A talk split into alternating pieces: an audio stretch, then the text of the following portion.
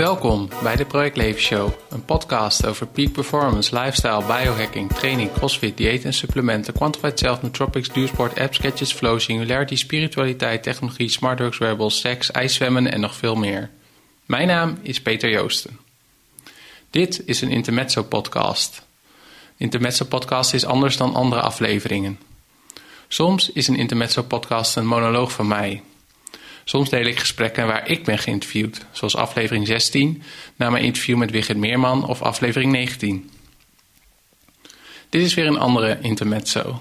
Dit is een opname van mijn lezing op het Ancestral Health Symposium 2016 in Leiden. De titel van mijn lezing was Paleo 2.0, de toekomst van de evolutionaire geneeskunde. Het gaat over de invloed van quantified self en biohacking op voeding, diëten en leefstijl.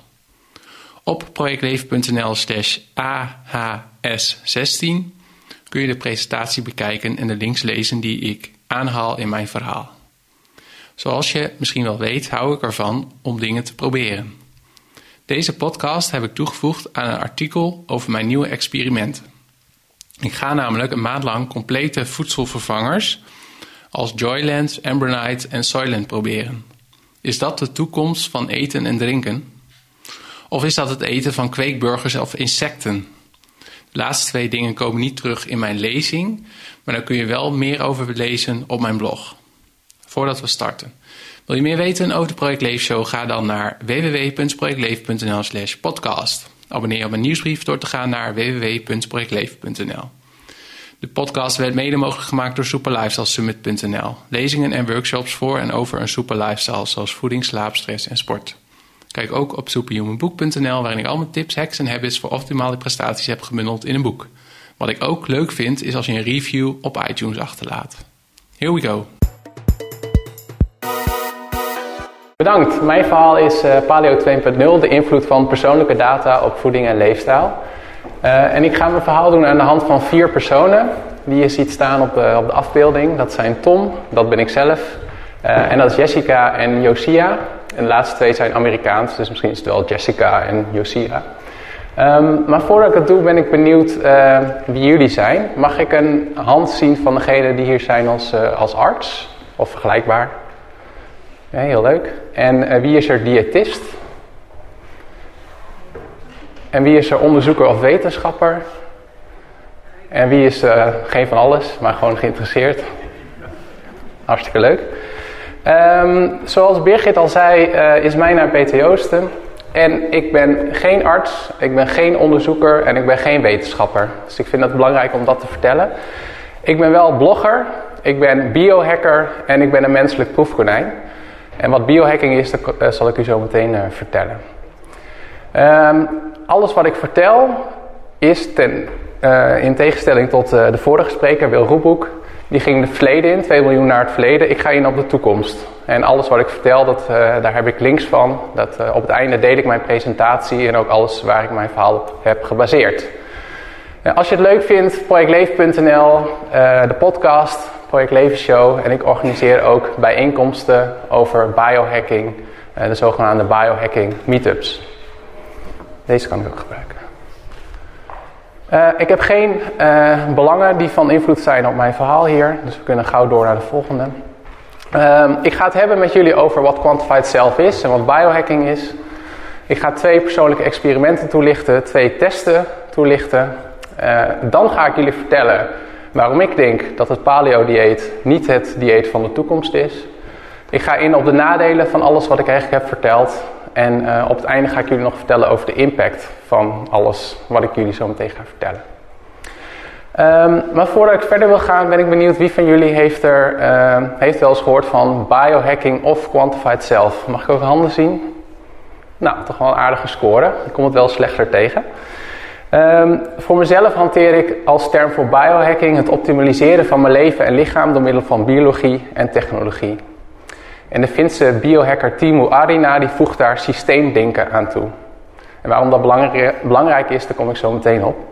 Uh, maar er zijn ook mensen die zeggen biohacking is net als computerhacking, maar dan op je lichaam. Dus het klooien aan je lijf.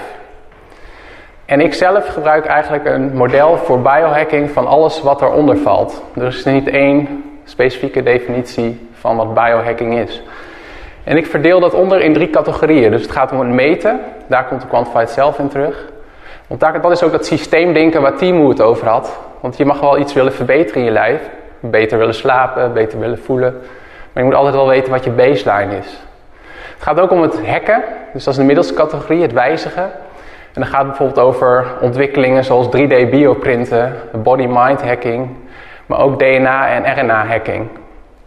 En het gaat over do-it-yourself grinding, maar daar vertel ik zo meteen wat over. En de derde categorie, ik geef dit soort lezingen ook veel aan ziekenhuizen en bedrijven. En dan gaat het met name over de derde categorie, namelijk wat is de impact van deze ontwikkelingen. En dan kun je denken aan dingen zoals kunstmatige intelligentie, dat is de singularity. Het moment dat kunstmatige intelligentie slimmer wordt dan menselijke intelligentie. Maar dat heeft ook te maken met life enhancement en life uh, extension. En daar kom ik in de rest van de presentatie nog even op terug. Maar eentje die ik nog wil uitlichten is uh, helemaal rechts onderin. Dat is transhumanisme. Transhumanisme is een filosofische stroming. Wat uitgaat van het principe dat de evolutie voor de mens klaar is. Als het gaat om biologie. En dat door alle technologische middelen die we nu hebben, of de komende tijd gaan hebben, dat wij biologische grenzen kunnen doorbreken. Dus ik weet niet wie van jullie uh, Netflix heeft. Nou, als je dit leuk vindt, moet je de serie Orphan Black kijken. En ik zal geen spoilers verklappen, maar er komt de term Neolution in voor. Dus neolutie. Dus nu als mens zijn wij in staat om de evolutie te doorbreken. En er zijn mensen, Aubrey de Grey is iemand, maar ook Ray Kurzweil van Google. Aubrey de Grey, de eerste, die zegt de eerste persoon die duizend jaar wordt, die is nu al geboren. Door ontwikkelingen zoals 3D bioprinten en andere dingen. Dus het is een heel fascinerend uh, veld. Ik wil nog even ingaan op do-it-yourself grinding. Want dit is de pink van Tom. Tom van het begin. Uh, Tom heeft namelijk een magneet in zijn pink laten implanteren. Tom was onlangs ook in het nieuws omdat hij een OV-chip heeft laten implanteren in zijn hand. En Tom is ook degene die bij mij een chip heeft, laten, uh, die heeft geïmplanteerd. Ik heb hier een chip tussen mijn duim en mijn wijsvinger. En je zou kunnen zeggen dat Tom meer capaciteiten in zijn lijf heeft dan ik. En ik heb dan weer meer dan jullie, want ik heb een stukje extra's. En dat is eigenlijk de term do-it-yourself grinding. Dat zijn mensen die elektronica in hun lijf stoppen om er meer mee te kunnen. En nu kun je misschien denken, wat moet je met een magneet in je pink? Nou ja, als je bouwvakker bent, dan is dat denk ik wel handig dat je weet waar bepaalde leidingen lopen. Nou ja, of andere dingen. Um, maar na dit uitstapje uh, wil ik het met name hebben over quantified self. En dat is eigenlijk de meetbare mens. En uh, dat is ook waar mijn avontuur begon een paar jaar geleden. Uh, ik was veel bezig met sporten, hardlopen, wielrennen. tegenwoordig doe ik daar ook crossfit bij. En waar ik heel gek op was, was, het, was dit soort dingen. Dus sporthorloges. En ik ging een training doen en ik nou, doe mijn borstband om, mijn sporthorloge om. En ik ging naar buiten en ik weet niet of je dat herkent, maar op een gegeven moment, zeker een paar jaar geleden, deed of mijn hartslag het niet of het GPS werd niet gesignaleerd. Ik vond het echt zo irritant dat ik gelijk meer naar, naar binnen ben gegaan. Want ik dacht, wat is het nut van deze training doen als het niet wordt geregistreerd? Nou ja, ik kwam binnen, ik vertelde het verhaal aan Suzanne, uh, mijn vriendin, ze zit daar. En het enige wat ze deed is, ze keek mij aan en ze zei, Peter, je zou er echt iets mee moeten doen. En nou ja, ze bedoelde niet dat ik dan psychische hulp zou moeten zoeken, maar een blog beginnen. Dus dat is waar, waar het voor mij voor startte. En als je, als je nou denkt, wat is dat plaatje? Dat is een uh, voorbeeld. Ik heb een uh, app op mijn telefoon, Moves. En Moves is mijn stappenteller. En Moves is heel erg slim, want ik draag hem gewoon bij me. En Moves weet wanneer ik op de fiets zit, wanneer ik loop, wanneer ik in de auto zit of in het OV zit. Dus dat is heel handig, want dan weet ik hoeveel stappen ik zet en hoeveel kilo, kilocalorieën ik verbrand. Maar voor mij is het ook een soort van dagboek. Want dit is een voorbeeld van een applicatie die ik weer heb gekoppeld aan Moves. Dan kan ik ook voor de afgelopen drie jaar kan ik een heatmap maken van waar ik allemaal ben geweest.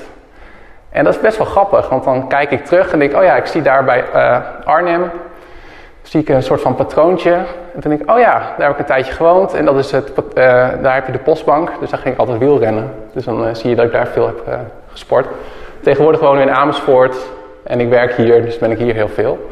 Maar dat is een voorbeeld van eigenlijk live logging. Dat is weer een onderdeel van Quantified Self.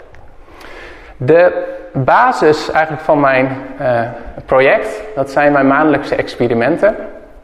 En je kan ze in drie onderdelen verdelen.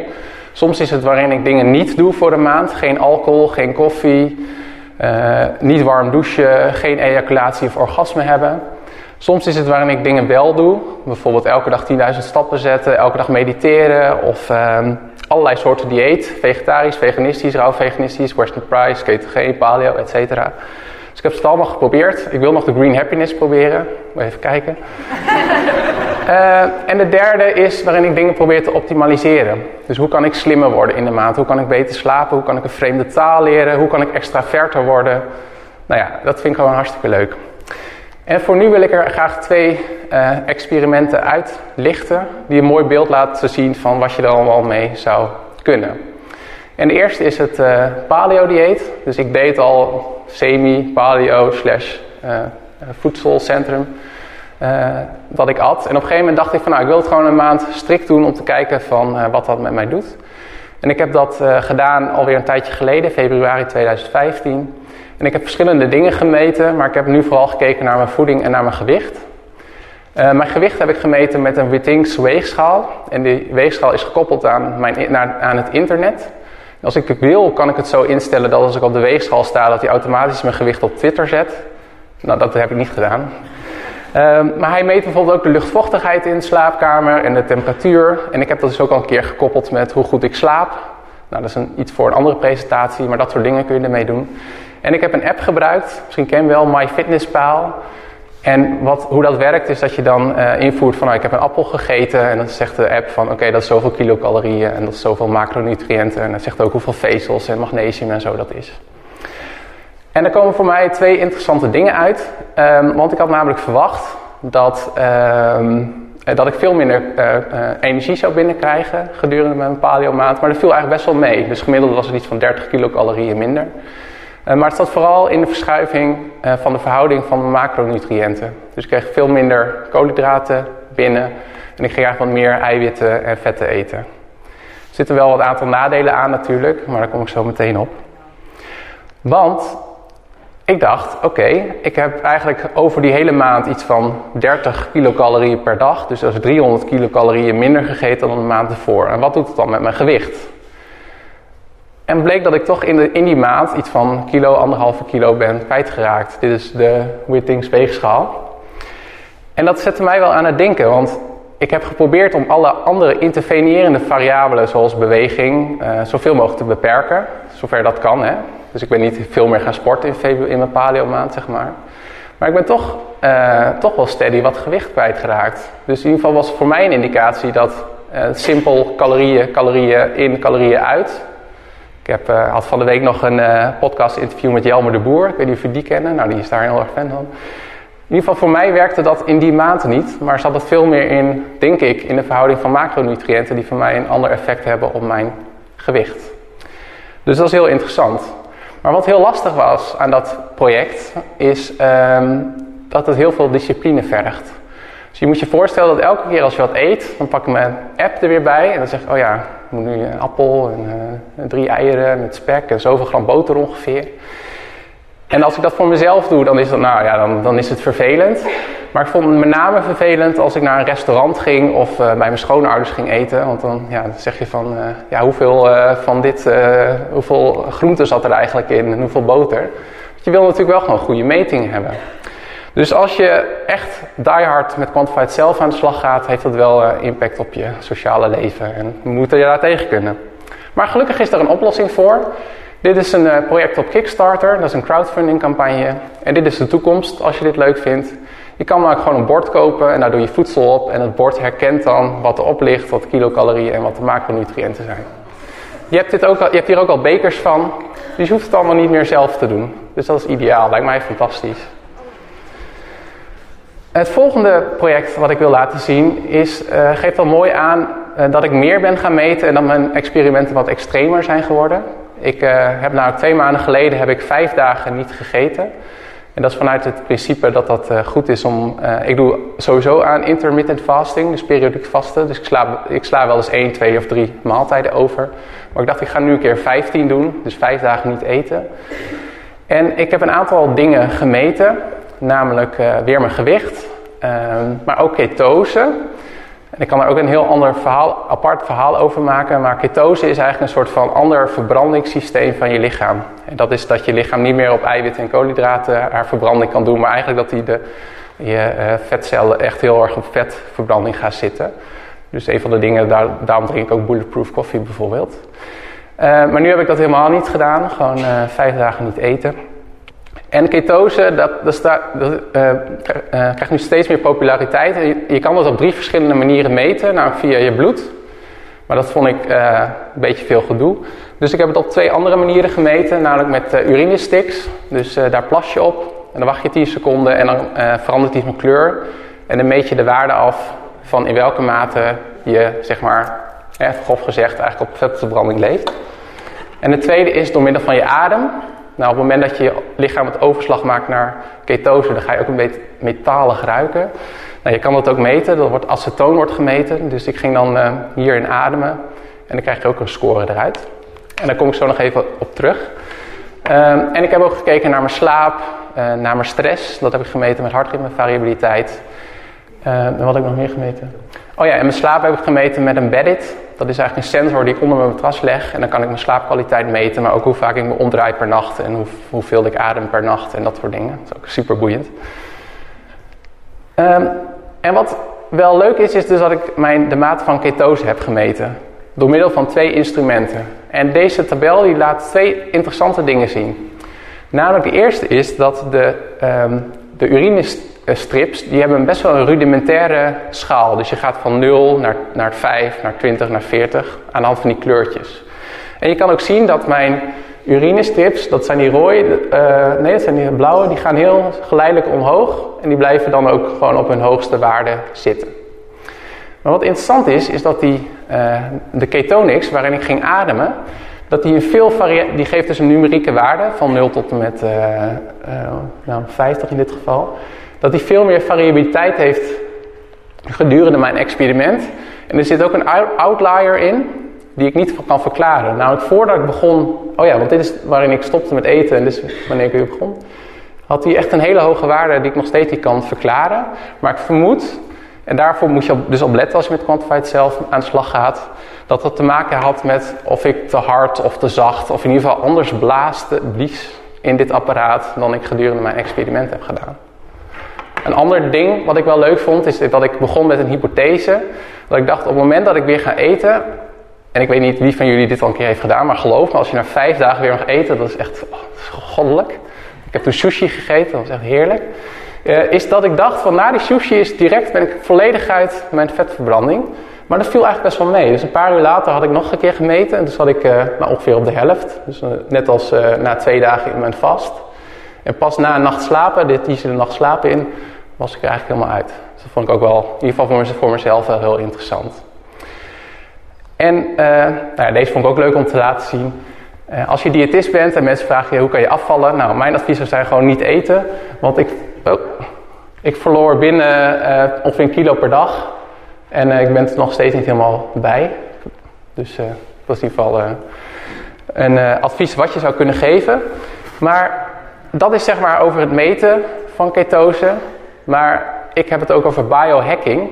En als je dit interessant vindt, er zijn tegenwoordig ook gewoon dingen op de markt, zoals KetoForce, dat je externe ketonen kan innemen. Dus je ziet heel erg een ontwikkeling van het meten naar ook het hacken. Dus je hebt allemaal van dit soort dingetjes al te kopen die zeggen van, je krijgt externe ketonen binnen. Ik heb het wel gebruikt voor hardloopwedstrijden en toen merkte ik wel verschil. Eigenlijk zou ik dit experiment nog een keer moeten doen en dan dit moeten nemen en kijken of ik dan sneller in hogere waarden zit. Maar dat is iets voor een andere keer. Er zijn ook metingen, dit zijn twee voorbeelden van metingen die jullie of jullie cliënten elke dag kunnen doen. Maar er zijn ook metingen die je gewoon één keer in je leven hoeft te doen of een paar keer in je leven. Ik heb ook mijn DNA laten analyseren. Je spuugt dan in een buisje, dat stuur je naar de Verenigde Staten. Een paar weken later krijg je een e-mail. Peter, je resultaten zijn beschikbaar. Um, ze mogen nog niet alles in kaart uh, sequencen. Uh, omdat ze daar uh, met strenge regels te maken hebben. En dus ze mogen niet bijvoorbeeld naar het Angelina Jolie-gen kijken. Dan heeft dat bij mij niet zoveel zin. Maar eh, en zij mogen alleen naar geassocieerde populaties kijken. En voor mij, ik heb dit gedaan. En ik ga eerst vertellen wat eruit komt en daarna waar, waarom je mijn verhaal met korreltjes zou moeten nemen. Bij mij kwam eruit dat ik uh, 20% kans, meer kans heb op een bepaalde hart, hartaandoening. Dat ik zeven keer zoveel kans heb om snel kaal te worden. Nou, vooral van dat tweede schrok ik heel erg. Ehm, en ik heb ook gekeken van wat vertellen mijn genen over hoe ik moet, zou kunnen sporten. En het blijkt dat ik een mix ben tussen een duursporter en een sprinter. Dus ik ben geen Usain Bolt genetisch, maar ik ben ook geen lange afstandsloper.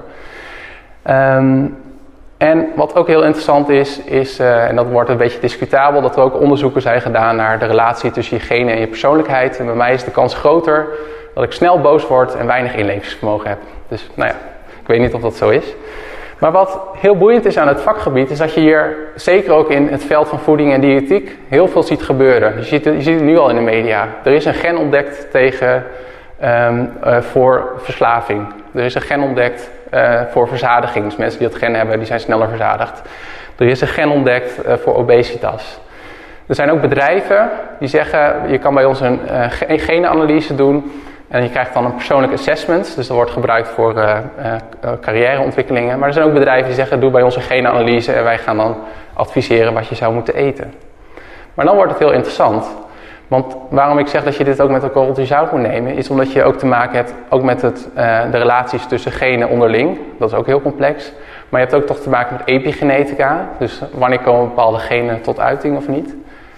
Um, dus de beloften zijn heel erg groot. Maar hoe ver, wat we er nou mee kunnen, daar is nu nog in ieder geval heel veel onduidelijk over. Maar als we het hebben over hacken, meten versus hacken, is dit ook interessant. Want de eerste testen, met, waar ik in het begin over had met mijn plaatje over biohacking, had ik het over DNA-RNA-hacking. In China zijn de eerste testen begonnen met zogenaamde CRISPR-9 technologie. Dat is het editen, het bewerken van genen. Dat wordt nu gebruikt uh, tegen uh, kleine studie voor mensen die kanker hebben. Er worden echt op genenniveau uh, worden bewerkingen gedaan. En nu is dat natuurlijk heel mooi, want dan wordt het gedaan voor mensen met een aandoening. Alleen de vraag is, gaan we over 50 jaar, kan ik dan naar een arts gaan of naar een commerciële instelling en zeggen van, hé, hey, ik heb een, het obesitasgen of ik heb drie obesitasgenen, kun je dat eruit halen? Ik weet het niet, ik weet niet of we dat zouden moeten willen, maar het is wel een mogelijk toekomstbeeld wat er kan zijn.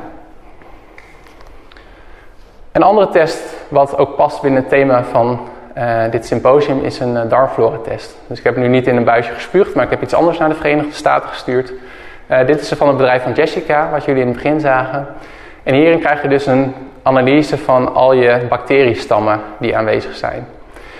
En ik ben nog net een beetje begonnen met het interpreteren van die data, want dat is nog wel het grootste crux van wat kun je daar nou precies mee. In ieder geval waar ik op heb gelet is ook uh, wat Nienke Tode, de poepdokter, heeft in een podcast met mij gezegd... het belangrijkste waar je op moet letten is de diversiteit in je darmflora. Hoe groter je diversiteit, in principe, hoe gezonder je bent. Dus daar heb ik ook voor mezelf op gelet.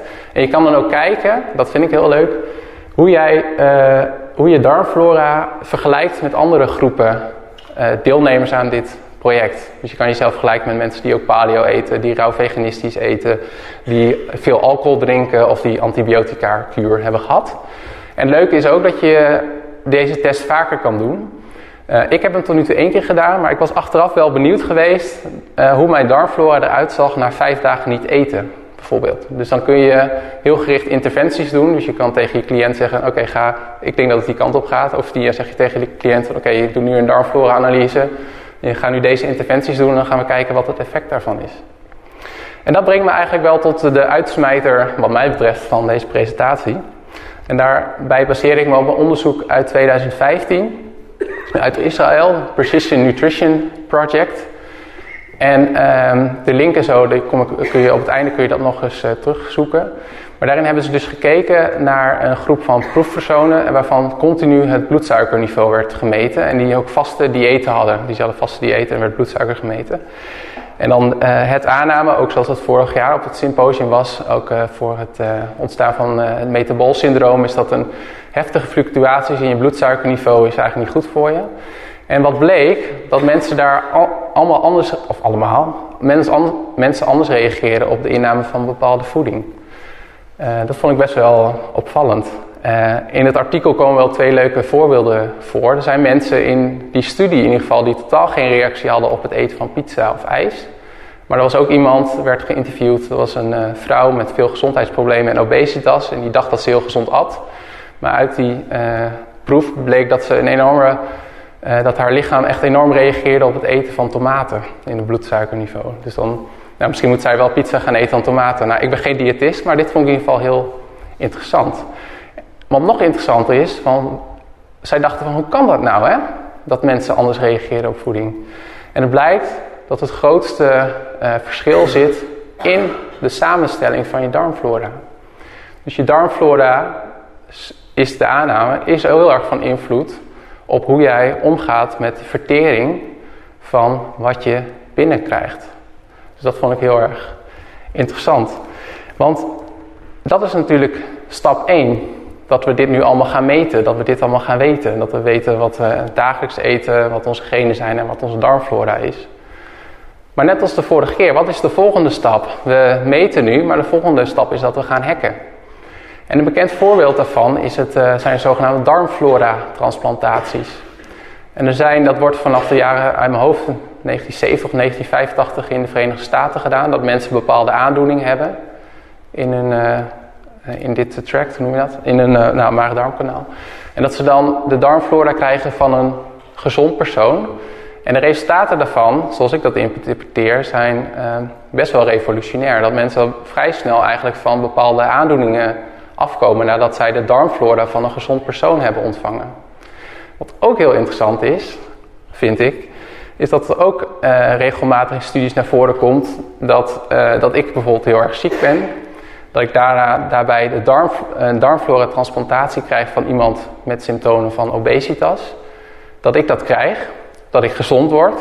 Dan denk ik van, jee. Maar dat ik dan ook binnen een paar weken ook tekenen van obesitas begin te ontwikkelen. Dus dat waarschijnlijk, dat andere aanname van mij, ik weet niet of het klopt, ik ben geen diëtist of arts of wetenschapper. Dat waarschijnlijk ook niet alleen um, dat hoe jij omgaat met voeding, maar ook misschien de mate waarin jij uh, neiging hebt tot zwaarlijvigheid, dat een belangrijke oorzaak daarvan ook in je darmen zou kunnen zitten. Nou, dat kun je natuurlijk uh, allemaal laten doen. Misschien over 50 jaar heb je gewoon pilletjes daarvoor. Net als die gene editing van net. Dat weet ik niet. Maar de ontwikkelingen gaan heel erg hard. En waarom zou je dat door een arts of onderzoeker laten doen? Dit is mijn laatste persoon van mijn uh, verhaal. Dit is Josia. En ik noem mezelf biohacker, maar dit is echt een biohacker. Josia die heeft een do-it-yourself, een do-it-zelf darmflora transplantatie laten doen. Hij was klaar met, uh, uh, met de reguliere geneeskunde. Uh, ik moet erbij zeggen dat hij ook voor NASA werkt en ehm, dat hij ook heel iets moeilijks heeft gestudeerd. maar goed, het is wel een beetje gek natuurlijk. Um, want hij had allemaal last van bepaalde aandoeningen en op een gegeven moment was hij daar klaar mee en hij kwam niet verder.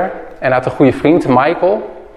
En toen zei hij van, ik ga de darmflora van Michael ga ik bij mezelf implanteren.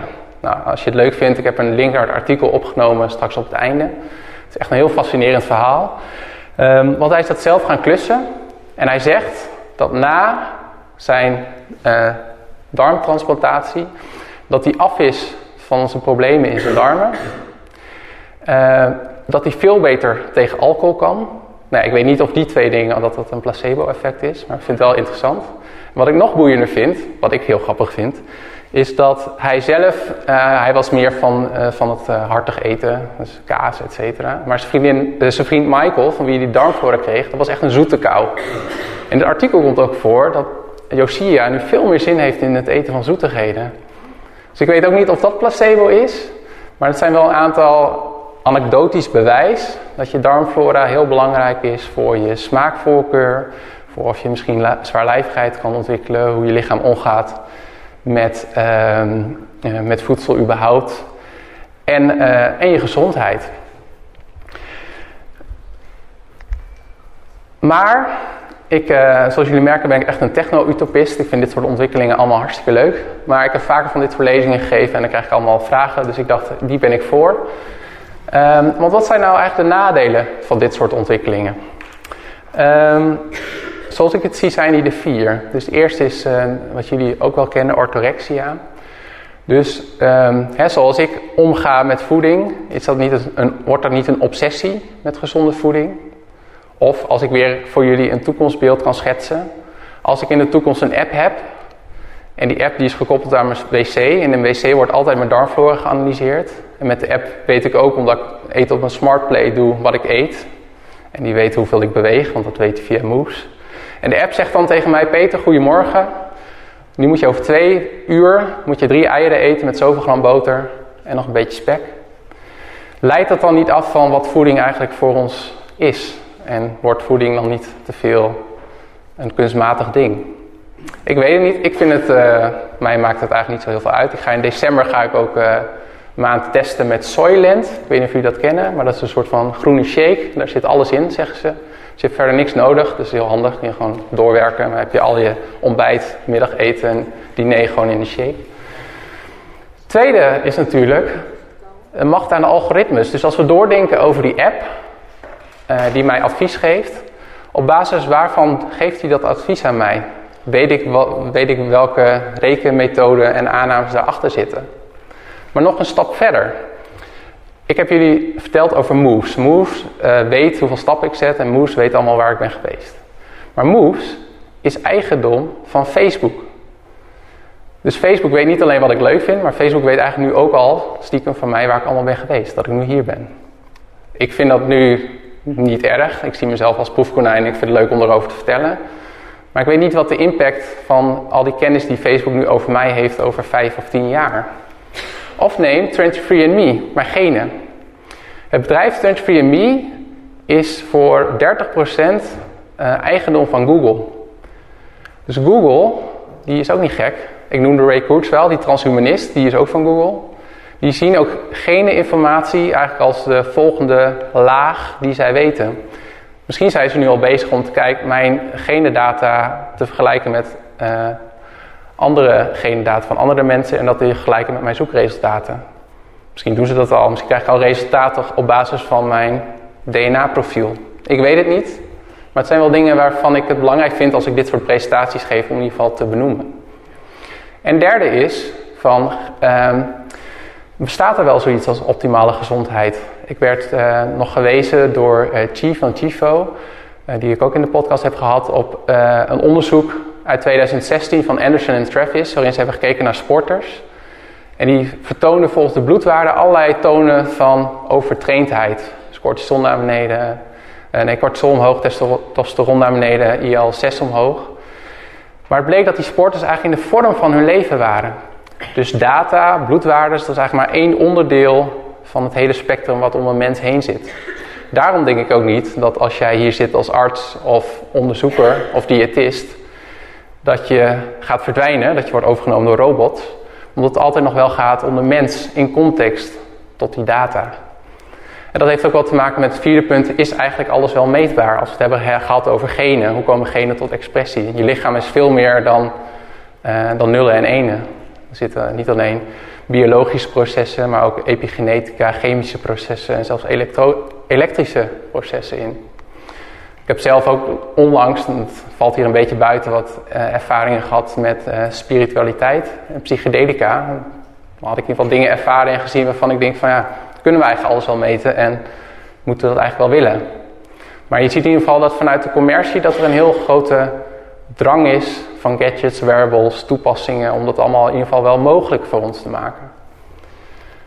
En daarom denk ik ook dat in welke hoedanigheid je hier ook zit, of je nou arts bent of diëtist bent, dan gaan mensen bij je komen, denk ik, dat is mijn visie, over vijf jaar of misschien al eerder, te zeggen van, ja, ik heb hier mijn uh, genenanalyse en uh, ja, ik uh, loop hier meer kans op, kun je mij dit alvast voorschrijven? Of als, die, als je diëtist bent, dan mensen zeggen van, ik heb in de Verenigde Staten een darmflora test laten doen. Volgens mij is hier ook een stand dat je dat ook kan doen. Um, ja, ik, op basis van deze analyse moet ik dit toch doen? Is dat zo? Dus ik denk, samen met wat ik net heb gezegd over de menselijke factor, dat dit voor ontwikkelingen ons allemaal gaan beïnvloeden. Elske Bosgaal zal straks vertellen over wetenschap, daar heb ik het niet over gehad, maar je hebt ook zoiets als citizen science. Bedrijven zoals Trend3Me en UBiome, dit zijn echt de topgasten op alle medische congressen. Want zij zitten op een berg data. En als je dat combineert met kunstmatige, kunstmatige intelligentie, waar ik het net over had, dan ga je niet meer uit van hypotheses, maar heb je gewoon een berg data waar je slimme algoritmes op loslaat, die allerlei verbanden kan ontdekken. En er zijn dus mensen, zoals Ray Kurzweil en andere transhumanisten, zoals Aubrey, Aubrey de Grey, die zeggen dat we door de combinatie van persoonlijke data en kunstmatige intelligentie kunnen alles oplossen. Dus kunnen wij gaan ontdekken wat nou kanker veroorzaakt en kunnen we dat genezen. En worden we uiteindelijk duizend jaar oud. En daarom is er geen ruimte meer op deze planeet. En daarom is Elon Musk nu bezig om te kijken of we naar Mars kunnen. Dat zijn allemaal dingen die gewoon nu gebeuren, dus dit verzin ik allemaal niet. Maar ook als je hier zit als geïnteresseerde leek, dan hoop ik dat mijn verhaal jullie iets heeft verteld over wat er allemaal kan met Quantified Self. En ik nodig jullie vooral uit om niet per se aan Quantified Self te doen, maar misschien wel te experimenteren. Want dat vind ik het allerleukste aan mijn blog. Dingen die ik doe, gewoon af en toe dingen uitproberen. En bovenal wat je ook doet om goed naar je eigen lichaam te luisteren. En als je nog meer wil weten, uh, op projectleven.nl slash AHS16 heb ik de presentatie staan. En ook alle links naar al die onderzoeken, bijvoorbeeld ook in die in Israël, et cetera. Um, als je het leuk En ook over het verhaal van Josia, wat ik echt lezenswaardig vind. Daar kun je dan meer over lezen. Daarmee wil ik jullie bedanken voor jullie aandacht.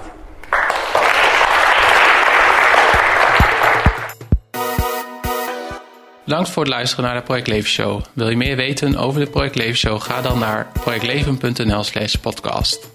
Op projectleven.nl slash AHS16 kun je de presentatie bekijken en de links lezen die ik aanhaal in mijn verhaal. Tot slot. Laat een reactie achter op de blog of op iTunes wat je van deze Intermezzo podcast vond. Ook in deze vorm van een lezing die ik heb gegeven. Of waarover je nog meer wil weten. Wat je ook kan doen is mij een e-mail sturen op peter.projectleven.nl Wil je niets missen van de Project Show? Ga dan naar facebook.com slash projectleven of abonneer je op deze podcast via iTunes, Stitcher of Overcast. Abonneer je op mijn nieuwsbrief door te gaan naar www.projectleven.nl de podcast werd mede mogelijk gemaakt door superlifestylesummit.nl. Lezingen en workshops voor en over een super lifestyle, zoals voeding, slaap, stress en sport. Kijk ook op superhumanboek.nl waar ik al mijn tips, hacks en habits voor optimale prestaties heb gebundeld in een boek.